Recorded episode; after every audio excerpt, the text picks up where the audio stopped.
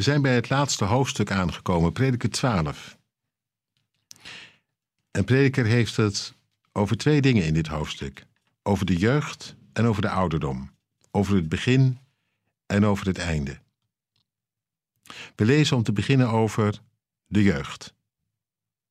Hij schrijft: Gedenk aan je schepper in de dagen van je jeugd, voordat de slechte dagen komen en de jaren naderen waarvan je zegt: In deze jaren vind ik weinig vreugde meer.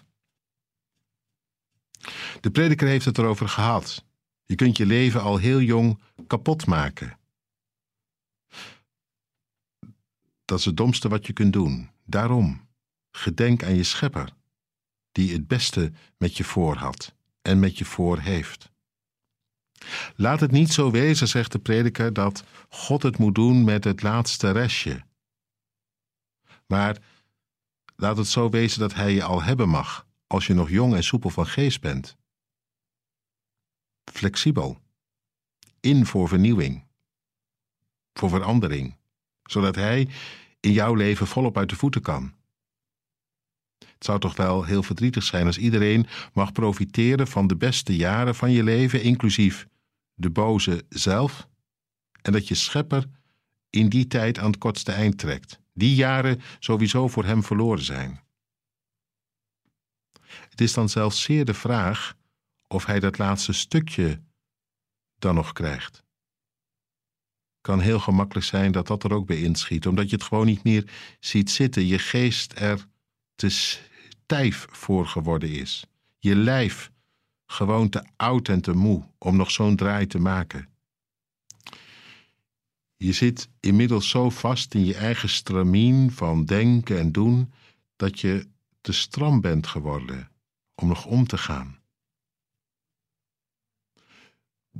Te moe ook, vaak om je nog te concentreren op iets nieuws, iets anders. Dus wees gewaarschuwd. Als je je jeugd laat verlopen, althans met het oog op God, dan komt er een tijd dat het gewoon niet meer lukt. Althans, dan mag er wel een heel groot wonder gebeuren. Tuurlijk, dat kan. Maar het is eerder uitzondering dan regel.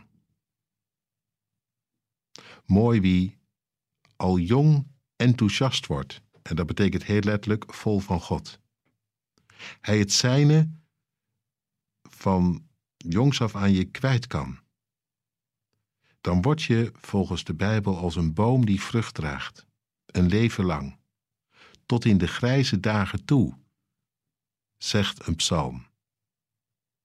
Een mens die fris is en fruitig, al ben je intussen gerimpeld en versleten.